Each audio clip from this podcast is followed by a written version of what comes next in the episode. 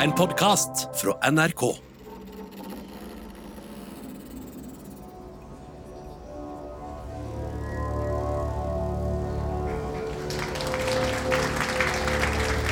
November 1520.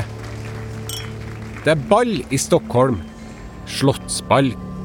Kroningsball. På Slottet Tre Kronor. Stor sal, høye, tunge dører. Fiffen er samla, og de er så stilig kledd alle sammen. Herrene har eh, pelskanta trøyer, skinnende metallspenner på hattene sine. Gullsporer glimter på hælene på ridestøvlene deres. Damene er ikke noe dårligere kledd.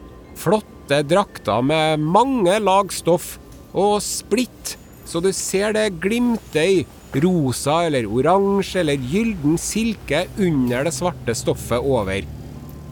De har oppblåste, puffete ermer med mansjetter og perler i håret og gullsmykker og det er ikke måte på. Moten på den tida her, det er ikke eh, less is more, more is more. De folkene på det ballet her, de heter ikke Medelsvensson, nei. De heter Leionhovud og Oksenstjerna og Gyllenstjerna, og de er biskoper og riksrådsmedlemmer og slottsfogder og borgermestere og ikke noe skit. Top of the pops, crème de la crème, prikkene over eh, i-ene. Alle som er nå i Sverige i 1520, de er på det ballet der. Og de er ganske så fornøyd med å være der. Og alle dem som ikke er, å, de skulle så gjerne ha vært der. Og det er god stemning. Det er en letta stemning. Folk er euforisk. Og brisen, den kroningsfesten her, den foregår på tredje dagen.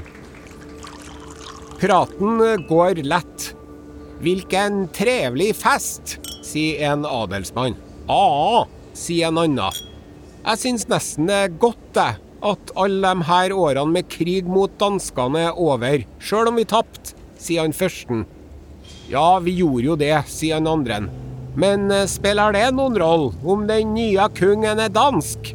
Når han virker så kul og barmhjertig og raus. Han virker som en forsoningens mann, kong Kristian. Trivelig type.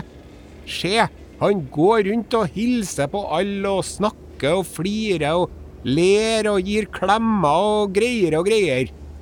Litt uventa egentlig, for bare noen uker siden var vi jo bitre dødsfiender. I dag bestiser. Men vi klager ikke. Skål, skål. Skål for Kristian den andre, kung av Danmark, Norge og Sverige. Men akkurat idet adelsmennene og damene deres skåler for kongen med kostbar rødvin i gylne krus, går det et drønn gjennom hele ballsalen.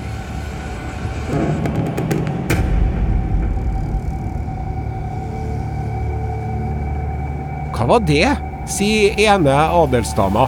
Hun har hodet fylt av perler. De stengte døren, sier mannen hennes. Hvorfor da, da? Hvorfor gjør de på dette viset? sier adelsdama forundra.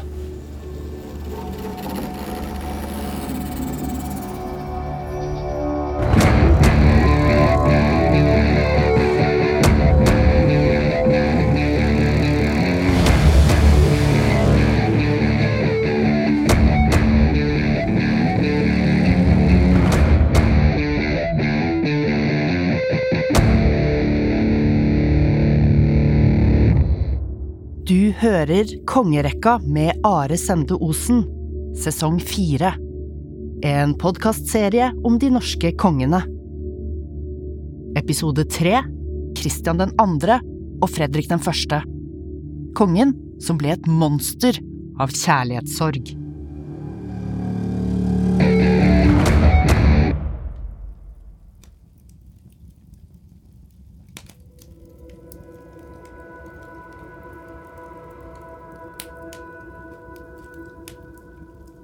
Kristian 2. ble født på et slott i Danmark i 1481. Pappaen hans var Hans, konge av Danmark, Norge og Sverige. Sjøl om det var stadig flere svensker som mente at nei, det er han ikke, vi skal ut av unionen, vi. Mora hans het dronning Kristina. På slottet hadde hun aper, dverger og en sinnslidende kvinne til å underholde seg. Ja, hun hadde det. Det var vanlig på den tida at rike folk samla på eksotiske ting og skapninger. Hva dere sinnslidende kvinner og dvergene Unnskyld, kortvokste heter det i dag, men den gangen sa de dverger, ja, de gjorde det. Hva de mente om å tilbringe dagene i fangenskap omgitt av aper og påfugler og whatnot, er ikke godt å si, men jeg tipper at de tenkte at ja ja, det er nå en måte å overleve på det her òg. Kunne vært verre. Det var en grusom tid i en grusom verden. Bare vent, sier jeg bare. Ja ja. Da lille Kristian var seks år gammel, da ser jeg for meg at kong Hans sa til dronning Kristina Du, skatten min? Skatten min? Hallo, Kristina. Unnskyld, kan du legge fra apa et øyeblikk og høre etter, Kristina? Ikke vær så sur, da. Jeg er ikke sur, jeg bare Kan du følge med Kristina når jeg snakker til deg? Slutt å kaste ball med dvergen, snille venn. Hva er det nå, da? Jo, altså, han gutten, arvingen Kristian. Det er viktig at han lærer seg om verden og ikke bare bor på et slott, isolert og omgitt av dverger og aper og eksotiske dyr. Vi setter den bort til kompisen min. Han er en fremragende handelsmann. Det tror jeg blir bra for han. Samme for meg, sa dronning Kristina. Kom her nå, herr Nilsson. Ja, kom til mamma. Og så ble det sånn. Borgerlig oppvekst til kongssønnen. Helt spesielt. Etter ett år ble han henta hjem til hoffet og pomp og prakt og aper og dverger og hele menasjeriet igjen. Men det må ha vært noen tanker og ideer fra borgerskapet som hadde festa seg i skolten hans. Og nå, vet du, nå er vi i overgangen fra den mørke middelalderen til renessansen. Så det var mye nye, spennende, humanistiske ideer om verden og universet og enkeltmennesket som begynte å spre seg. Og Kristian fikk opplæring i de her ideene som kom nordover fra Italia og nedi landene. Om de her humanistiske ideene beit eller ikke, gjorde han særlig human? Vel, vi skal nå få se. Han Kristian, han var en kjekk mann. Kraftig, velbygd, litt sånn rødskjær i håret. Var visst både smart og oppvakt og egenrådig og sikkert ganske så bortskjemt. Da han ble fjortis, da ble det mye tull ei stund. Kristian var vill og ustyrlig og festa og tura og ødsla med penger. Og da ble han tukta av far sin. Men da Kristian bikka 20 i 1502, da hadde han skjerpa seg, og faren sendte han til Norge. Det var nemlig en norsk adelsmann, Knut Alvsson, som drev og rotta seg sammen med svenskene og gjorde opprør og laga kvalm og okkuperte slott og greier. Han Kristian fiksa nå den biffen. Rett etter at Kristian kom til landet, ble Knut Alvsson overtalt til å møte opp for å forhandle fram ei ordning. Danskene lovte fritt leide, altså at de ikke skulle ta han. Men straks en Knut dukka opp, så tok de bare og drepte han tvert. Dette drapet på en Knut Alfsson, det var ikke helt etter boka, for å si det mildt. Men det løste nå det problemet. Opprøret i Norge var over. For denne gang. For Kristian var det her ei viktig lekse. Makt funker. Han Kristian han gjorde så god jobb med det opprøret i 1502 at da det ble misnøye og uro og opprør i Norge i 1506, da ble Kristian sendt for å fikse det òg, han. Nå var han visekonge i Norge. kongens øverste mann i landet, og igjen så leverte han varene. Han kua opprørerne. Han satte inn danske adelsmenn til å kontrollere slott og områder istedenfor norske, så han undergravde og saboterte for norske adelsmenn. Hadde ganske tyrannisk stil. Men han jobba for å fremme norsk næringsliv. Det tjente jo både han og Danmark på, selvfølgelig. Og så prøvde de å minske innflytelsen til Hansa-forbundet. Hansa-forbundet, vet du. Den mektige tyske handelsorganisasjonen som bestemte veldig mye over handel og alt mulig i hele Nord-Europa. En stat i staten. I flere stater. Hovedkvarteret deres i Norge, det var i Bergen. Det er jo derfor ølet fra Bergen heter Hansa den dag i dag. Og i Bergen, der krydde det av hanseater. Og de var ikke ute etter å bli integrert. No sir, de skulle ikke fornorskes. Hansa-forbundet hadde egne regler om at det var ikke lov for en tysk mann å gifte seg med ei norsk dame. Og det var nordmennene helt enig i. Norge òg, nemlig, hadde lov om at det var ikke lov for en Hansa-mann å gifte seg med ei norsk dame. En Hansa-kvinner i Bergen da, kunne de gifte seg med norske menn? Det var ikke noe problemstilling. Hanseatene hadde regler for det og dem. Det var bare tyske gutter og menn som fikk bo i Bergen på den tida her. Kvinnfolkene måtte holde seg hjemme i Tyskland, dem. Ja ja. Så det var nå mange flere prostituerte i Bergen på begynnelsen av 1500-tallet enn i andre norske byer.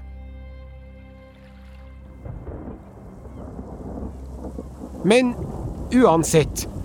En kveld i 1507 var visekong Kristian på ball på rådhuset i Bergen. Ball med her og ball med der. Og der sto han Kristian, sant? Omgitt av noen livvakter og tjenere og ja, borgere fra Bergen. Og det var mens han sto der og småkjeda seg og jatta med og smakte litt på fingermaten, at en Kristian ble truffet av lynet. Ja, han ble ikke truffet av lynet fysisk, da. Han fikk øye på ei ung jente. Pen. Stryk det. Vakker. Nei, vakker er ikke sterkt nok. Smellvakker. Ei ung jente som var så fin at en Kristian ble svimmel. Hvem er dere? hiksta han Kristian til dem som sto rundt den. Og dem som sto rundt den, de sa ikke 'hvem da', for dem som sto rundt den, de visste utmerka godt hvem en Kristian snakka om. Han snakka om den fineste dama i rådhuset, i Bergen, i kongeriket Norge, i Skandinavia, i Europa, i hele verden. Hvem andre skulle han snakke om, liksom? Dere der, sa de, det er av Dyveke. Hæ, sa han Kristian. Vibeke? Nei, ikke Vibeke, Dyveke. Det er hollandsk for lille due. Hun Dyveke hun er rundt 17 år og er dattera til hun litt eldre dama rett attmed. Hun hollandske kjøpmannskona der. Mor Sigbrit. Jeg må dyvekke. Jeg må Jeg må ha dyvekke! hvesa Kristian hest. Jeg må ha han nå. Ja, da må du snakke med mor Sigbrit, sa de til en Kristian. Og det gjorde han. Han snakka med mor Sigbrit, ja, og han spurte henne. Ikke med rene ord for pengene, nei. Brukte ikke akkurat de ordene, kanskje ikke, men budskapet var altså Hva som skal til for at jeg skal få slippe til nedi trusa på Dyveke, si meg! Og så diskuterte de litt fram og tilbake, mor Sigbrit og visekong Kristian. Og da ballet var over, sa mor Sigbrit at Dyveke, i kveld skal du bli med en Kristian hjem. Og så ble det sånn. Hva Dyveke tenkte om denne bråe og uventa utviklinga av tingenes tilstand, det er ikke godt å si. Kanskje kunne hun styre seg? Kanskje var det helt greit? Kanskje var rett og slett overlykkelig? Kristian var jo styrtrik, og visekonge. Og fortsatt ung og kjekk, var ikke så mye eldre enn Dyveke. I det minste kan vi gå ut fra at Dyveke tenkte at ja ja, det kunne vært verre. Visekong Kristian derimot, han var i den sjuende himmel. Han hadde blitt truffet av lynet. Hvorfor kunne han bare fri til da, når han hadde funnet sitt livs kjærlighet? Fordi han som skulle bli konge, han kunne ikke gifte seg med noe vanlig kjøpmannsdatter. Han måtte finne seg et dronningemne av passende byrd. Men de var nå kjærester, i hvert fall. Og da han visekong Kristian dro fra Bergen til Oslo etter ei stund, da var Dyveke med. Og ikke bare Dyveke. Hun mor Sigbrit, hun var med, hun òg. Kristian fikk bygd et steinhus til dem i Bjørvika. Eller ga dem en leilighet i Barcode, som vi sier nå, da. Etter noen år i Oslo, da la han pappa på røret, og visekong Kristian strøyk vise fra tittelen sin og ble konge. Da for jo han tilbake til Danmark. Da òg var Dyveke med. Og mor Sigbrit, visst var mor Sigbrit med. Kong Kristian ordna rom til dem på et slott rett nord for Kjøben. Han ville ha dem i nærheten. Både elskerinna, kjærligheta, lydnedslaget, den lille duen, Dyveke, men også mor Sigbrit. Sigbrit, nemlig. Hun viste seg å være uvurderlig. Hun Sigbrit, skjønner du. Hun var gjeskla smart. Hun var jo en forretningskvinne, gründer, verdiskaper, med sans for økonomi og regnskapshold og fornuftige avgjørelser. Så vips, så var Sigbrit kong Kristian den andres i høyre hånd. Sigbrit, hun hadde ansvaret for pengesekken. Hun var fungerende finansminister. Og når kongen reiste bort, så passa på det meste annet også imens. Mor Sigbrit var altså ei dame med bein i nesen og naturtalent for styre og stell. Og da sier seg sjøl at de folkene med makt i Danmark Og når jeg sier folkene med makt i Danmark, da mener jeg mannfolkene. Mannfolkene med makt i Danmark. Adelen og kirka og riksrådet og mannfolkene fra Hansaforbundet. De kunne styre seg foran mor Sigbrit. De syntes det var helt forgjeskelig at et kvinnfolk, et kvinnfolk, sier jeg, ei gammel kjerring, som ikke var noe fin heller, hvorfor skal hun drive og bestemme? Hun Sigbrit der, sa de, dæven, hun er bra stygg. Ja, omtrent som et annet kommentarfelt. Utlending er hun òg. Ja, fra Holland i tillegg, tui. Var en liten pusling fra Tyskland som peip. Hun Sigbrit, hun var en trussel for mennene med makta. Hun Sigbrit, hun var ei heks, mente de. Men eh, kong Kristian 2., han digga mor Sigbrit.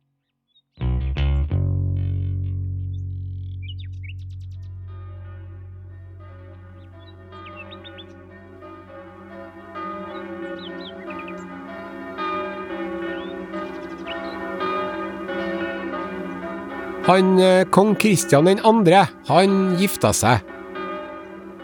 Ikke med sin livs store kjærlighet, nei, duen sin, for det gikk jo ikke.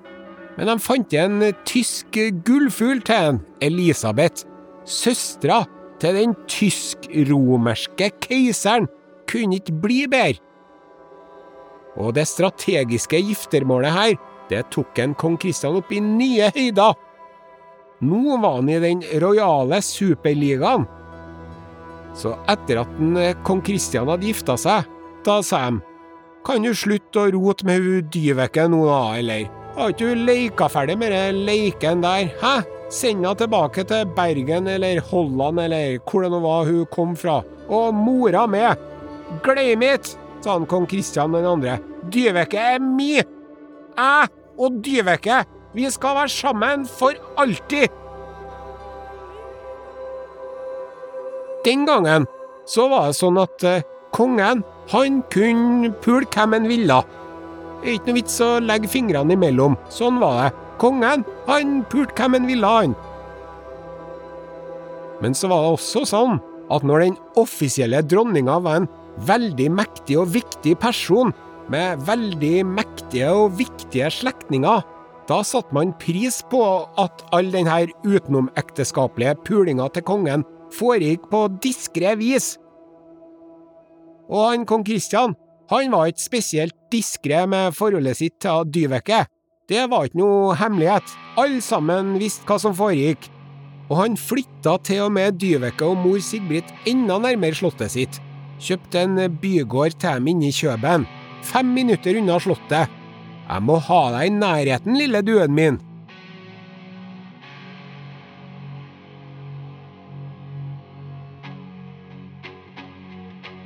De første årene Kristian 2. var konge, det var gode år. Kongen innførte en rekke reformer. Var jo mor Sigbrit det, som hviska inni ørene sant? Eller hviska og hviska, det er jo typisk sånn som man sier om kvinner, men jeg tipper at da Sigbrit, hun ropte høyt. Reformer, Kristian! Han forbedra landeveiene, han forbedra jordbruksmetodene, han hyra inn søppelmenn. Ja, før det så lå bare søpla og fløyt og dreiv i rennesteinene rundt omkring. Men eh, mor Sigbrit sa ærlig talt. Og så minska de arbeidstida for vanlige folk. Det var sikkert bra. Og så ble det vanligere å sende ungene i skole og Du skjønner, framskritt. Alle de eh, nye ideene til Sigbit gjorde at en kong Kristian 2. fikk ry på seg som en moderne type. Vanlige folk digga han. Alminnelige borgere fikk det bedre. I Danmark, ja. Var ikke automatisk sånn i Norge. Men eh, kong Kristian fikk øynene opp for mulighetene Norge hadde, og satte i gang bergverksdrift og trelasthandel, og økt skattene, spesielt for adelen. Kristian var kongen av ekstraskatter, han. Kong Kristian 2. Han var ikke eneveldig. Dette riksrådet i Danmark de bestemte en del fortsatt, men han prøvde å være eneveldig. Så adelen hata han både for det, og fordi han bedra forholdene til småfolket. Adelen var redd for posisjonen sin.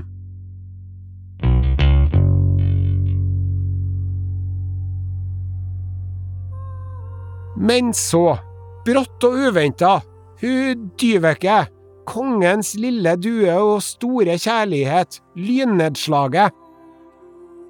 Den ene dagen var Dyveke, som vanlig, skjønn og snerten og sjarmerende og sexy, bedårende og betagende, nydelig og nusselig, velskapt og vakker, fortryllende og forlokkende, herlig og henrivende og drev og putta nydelige, røde, saftige, søte kirsebær mellom dem nydelige, røde, saftige, søte leppene sine. Og så, neste dagen, så var hun død. Hun var død! Dyveke daua, sier jeg. Dyveke var død!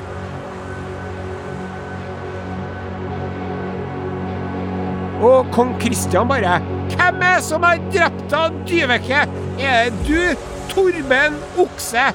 Det var en dansk adelsmann som het Torben Okse. Og han stakkars Torben Okse, han bare ah, nei. Nei, nei, nei, nei, nei, nei. Å jo da, jeg vet at det var du. Du ga forgifta kirsebær, gjorde du. Du tok livet av den lille duen min.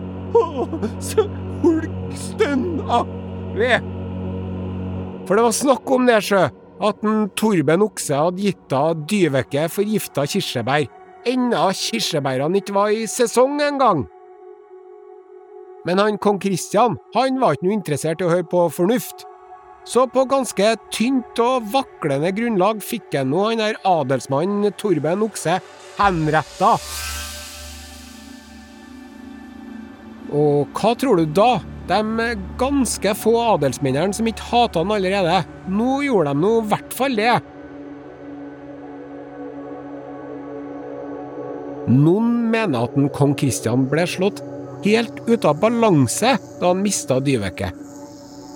Det ser i hvert fall sånn ut. Torben Okse var bare en forsmak. Fra nå av ble kongen stadig mer brutal og ekstrem.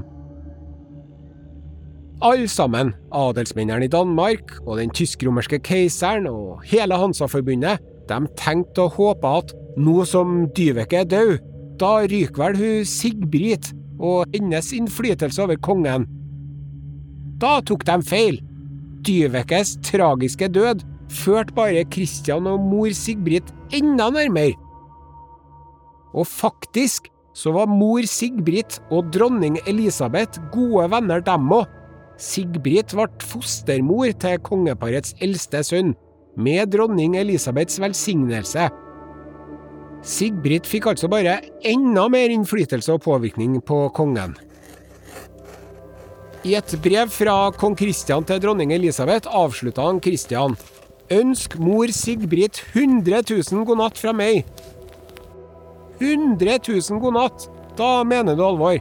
Da vil du at den personen skal ligge godt og behagelig, passe varmt, ikke for kjølig, ikke for hett, med gode puter, akkurat passe tung dyne, ikke tissantrengene, ikke mareritt, ingen støyende fugler eller ungdommer eller bilalarmer som skrur seg på en gang i timen utenfor soveromsvinduet.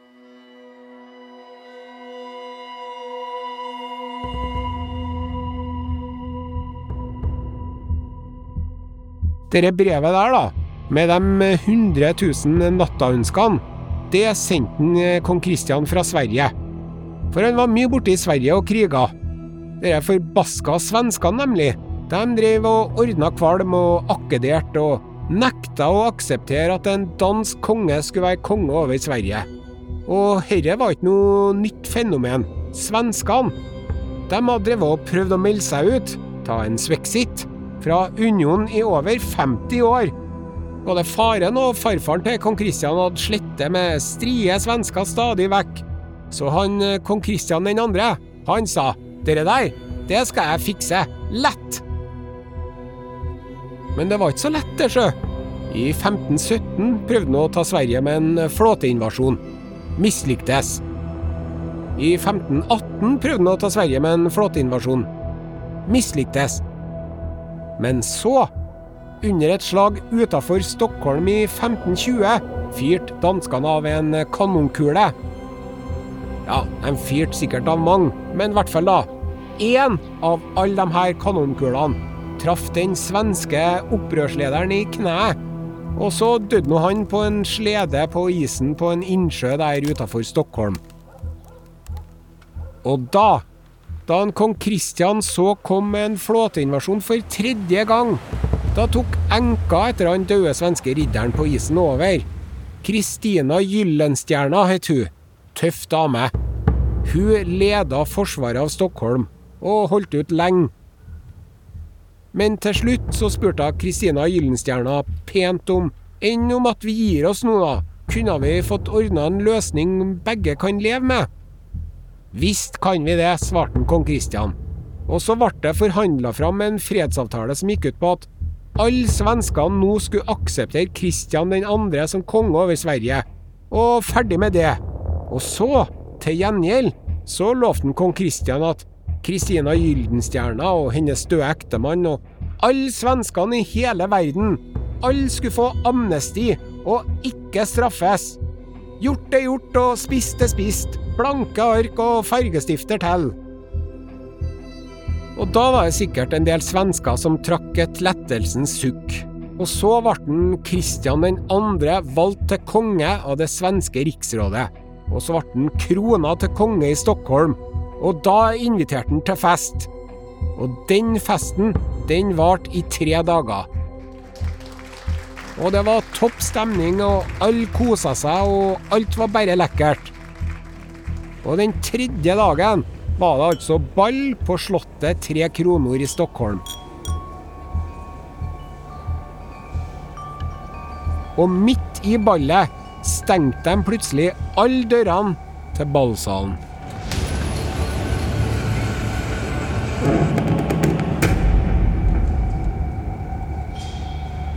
Den svenske erkebiskopen kom inn. Han erkebiskopen han het for Gustav Trolle. Passende navn. Trollete type. Han Trolle, sjøl om han var svensk erkebiskop, hadde han vært på lag med danske kong Kristian hele tida, han. Og nå sto han Trolle der, og så utover alle folkene i salen. Sveriges elite. Og så Vet du hva han Trolle gjorde da? Har du sett det klippet når Oprah Winfrey gir alle publikummerne som er i salen og ser på TV-showet hennes en bil? Har du sett det klippet? Der står Oprah, vet du, og så sier hun You get a car, you get a car, you get a car, you get a car.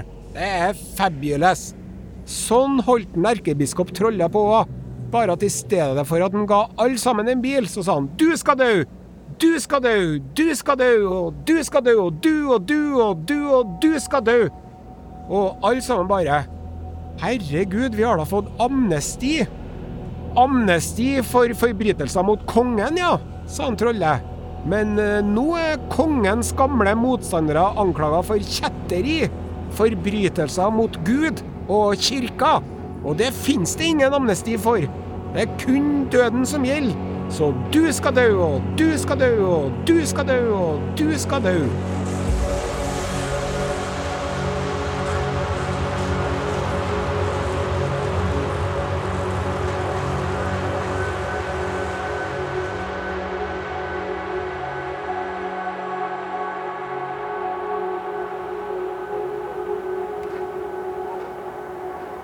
Dagen etter sto det galger og skafotter på Stortorget i Stockholm.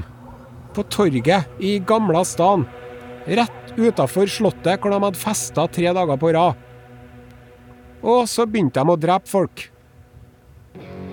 Først eh, biskoper og adelsmenn og borgermestere og rådmenn. og Da de hadde tatt dem, da var de så godt i gang, syntes de sjøl, at det ville nå vært dumt å gi seg nå så de tok med noen vanlige borgere med.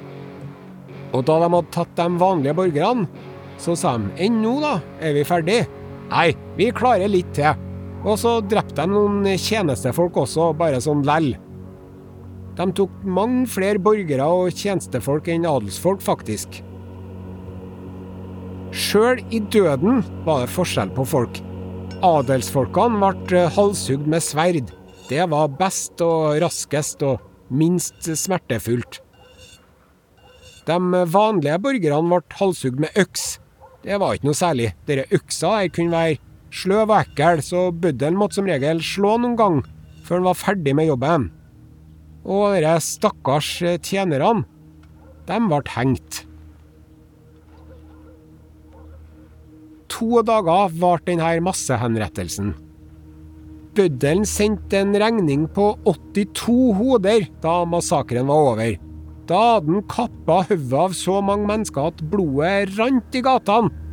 Det er sånn som man sier det. Blodet rant i gatene, sier man. Men her så gjorde det det. Blodet rant i gatene. Stockholms torg ligger oppå en liten bakketopp, gjør det. Så alt blodet rant nedover gatene. Dette slottsballet der tok en uventa vending, kan du si. Så nå var det jo plutselig sånn at de som ikke var på det ballet der, de var bra letta over det. Stockholms blodbad, kalte de det. Og sjøl om det liksom var erkebiskop Trolle som hadde avgjort det her, så var det kong Kristian som sto bak. Det må jo ha vært det. Og om kongen ikke var arkitekten bak, så kunne han i hvert fall ha stoppa blodbadet. Men det gjorde han ikke. Og han opprørslederen med kanonkula i kneet, liket hans ble gravd opp og brent på bålet. Jeg sa det, gjorde jeg. En grusom tid i en grusom verden, sa jeg. Og i Sverige så har de hata kong Kristian den andre siden. I Sverige så kaller ikke de Kristian den andre for Kristian den andre. De kaller han for Kristian Tyrann. Det som var planen til en Kristian Tyrann, da, med denne massakren, det var bokstavelig talt å utrydde opposisjonen. Fjerne alle hindringer mot at han skulle herske over Sverige. Der tok jeg bra feil, gitt. Stockholms blodbad. Det ble for mye. De svenskene som ikke var døde, de gjorde opprør, så i løpet av kort tid jaga de danskene på sjøen. I 1523 Da satt den kong Kristian 2. i Danmark og hadde mista Sverige. Nå var Kalmarunionen historie. Over. For godt. Nå var det opprørslederen Gustav Vasa som var konge i Sverige, og det er jo både knekkebrød og skip oppkalt etter han. Det var noe som fanken, sa han Kristian den andre. Det her er bunnen, nå blir det ikke vær. Men det ble det, jeg skal fortelle deg det ble vær, jeg. All denne kriginga, alle invasjonene av Sverige. Dyrt, vet du. Så han eh, kong Kristian Tyrann, han hadde drevet og krevd inn altfor mye skatt. Så det var noen bønder som gjorde opprør, og adelen i Danmark slengte seg med. Adelen, de hata jo kongen fra før, og var ikke noe mer glad i ham etter at han hadde drept plenty av kollegaene og slektningene og vennene deres i Sverige. Så ikke bare ble den kong Kristian 2. jaga ut av Sverige, han ble jaga ut av Danmark med. Fikk sparken. Og Norge, vi var bare sånn Ja vel? Så Kristian 2. måtte pakke sammen pikkpakket sitt, tok med seg kjerringa og ungene og hele statskassen, og dro til en by som ligger i Belgia nå. Ja, og hun mor Sigbrit, hun var med på lasset herre gangen òg. De smugla med seg ei kiste.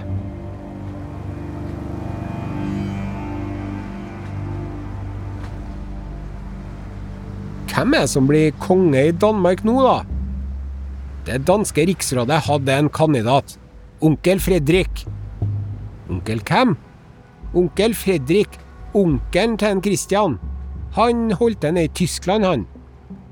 Den danske kongefamilien var også hertug av Schleswig-Holstein den gangen. Det var ikke noe hjertelig forhold mellom onkel og nevø. De hadde drevet og krangla om arv, og han onkel Fredrik han hadde følt seg tilsidesatt og oversett og dårlig behandla lenge. Onkel Fredrik, han var klar til å ta over, så da det danske riksrådet spurte om han ville bli konge av Danmark, da sa han Fredrik jawohl. Han Fredrik, sjø, han snakka verken dansk eller norsk eller svensk, han.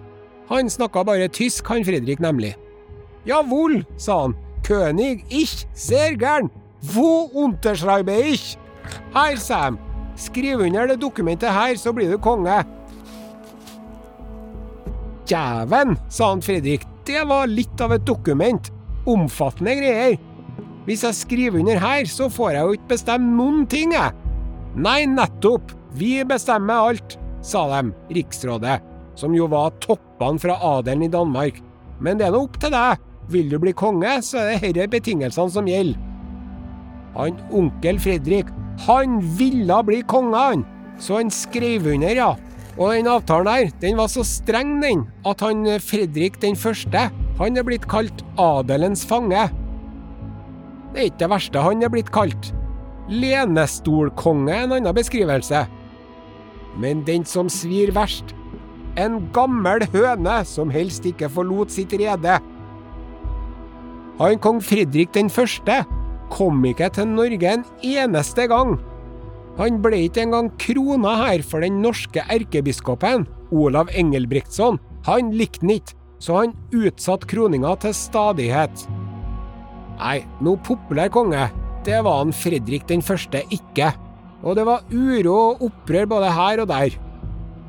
Men hva hjalp vel det, når kong Fredrik hadde plenty leiesoldater til å holde orden i sysakene?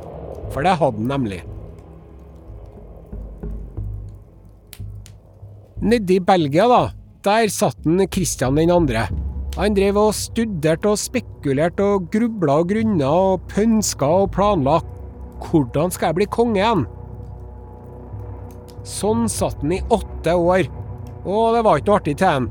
Men etter åtte år, da klarte han endelig å skrape sammen 14 skip og flere tusen mann. Og så sa han Kristian den andre, nå drar vi, gutta! Vi fær til Oslo! Oslo, gitt. Ja vel. Litt underlig idé å fære til Oslo med hæren sin når man vil vinne tilbake Danmark. Men resonnementet var vel at eh, first we take Manhattan, jeg mener Oslo, and then we take Ber Kjøben. Så han for til Oslo, og der var noen som sa Hei, heia Christian. Litt sånn halvhjerta, må jeg få si. Og det felttoget der, tilbakekomsten, det store comebacket, til å ha planlagt det i åtte år, så var det veldig dårlig planlagt, og det gikk ikke noe bra. Han for og virra ganske så planløst rundt i Norge, klarte ikke å erobre Akershus festning eller noen ting. Mista momentumet, kan du si. Så da en stor dansk flåte kom seilende inn Oslofjorden med beskjed fra en onkel Fredrik om at eh, Kjære nevø, leit at det er blitt så dumt mellom oss. Bli med til Kjøben nå. Du skal få fritt leide. Så skal vi ordne ei løsning. Jeg garanterer. Da måtte Kristian si ja til det, så han hoppa om bord på skipet og sto foran der på dekk, ser jeg for meg, og gikk gjennom hva han skulle si til onkelen, og hvilke krav han skulle sette, og hvor deilig det skulle bli å komme hjem til Kjøben. Men da skipet begynte å nærme seg Kjøben, så sa han Kristian, gutta, gutta, hvis vi skal komme oss til Kjøben, må vi svinge til høyre snart. Ja, jeg vet det, til styrbord. Da sa mannskapet, vi skal ikke til Kjøben, vi, vi skal til Als. Als? Als? Øya Als, sa han Kristian. Hva skal vi gjøre der? Vi skal ikke gjøre noen ting, sa de. Men du, du skal i fengsel. På Als. Herre er urettferdig, sa han Kristian den andre. Jeg ble jo lovt fritt leide. Ja, det var rette musa som peip, håpa de svarte. Og det var det jo. Overraskende naivt av en Kristian Tyrann, dere der. Han hadde jo lovt fritt leide både til den norske opprøreren Knut Alvsson og 82 svensker, og lurt dem godt og grundig og brutt det løftet. Og så falt det ikke inn at noen kunne lure han på samme måten sjøl. Egentlig litt pussig at han gikk med på det der. Så satt de en Kristian den andre i fengsel, sperra han inne på et slott, og der satt han i 16 år. Mye av tida uten selskap. Etter 16 år sperra de ham inn på et annet slott. Nå ble det litt mer åpnere soningsforhold. Han fikk ha besøk og rusle litt utafor borgen. Og der satt han Kristian i ti år til, og så døde han. Kristian den andre, altså. For en fyr!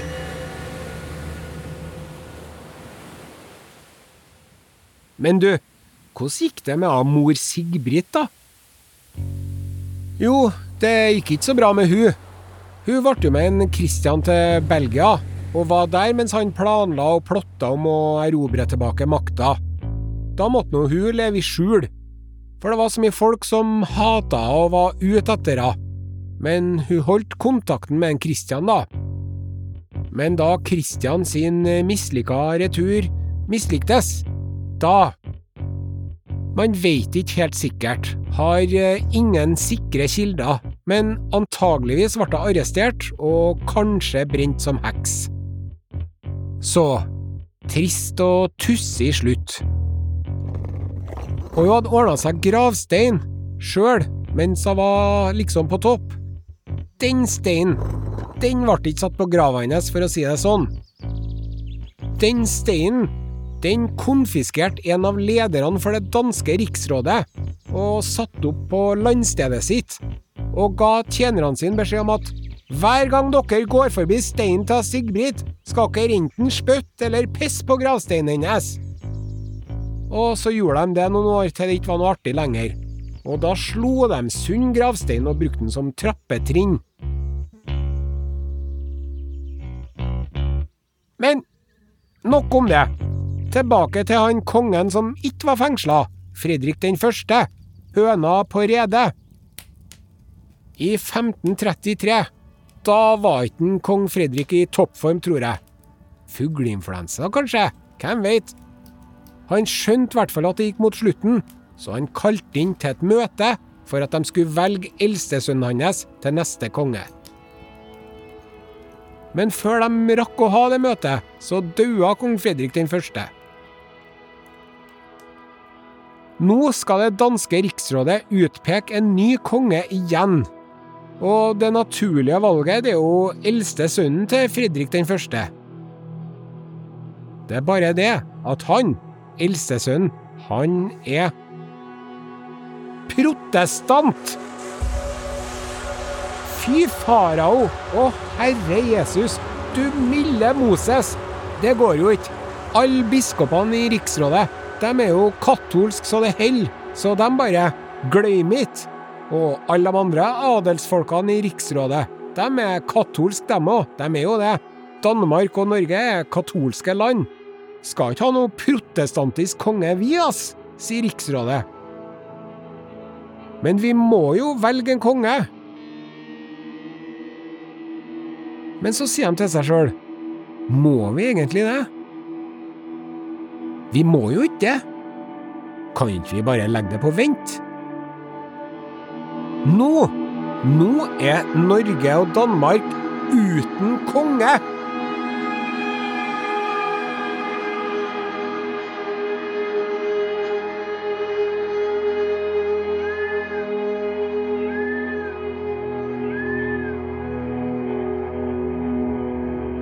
Kongerekka er laga av Are Sende Osen og Ragnhild Sleire Øyen. Historisk konsulent er Randi Bjørsol Verdal, og musikken er av Synkpoint. Neste episode handler om Christian 3., kongen som brukte Gud til å nedbetale gjeld.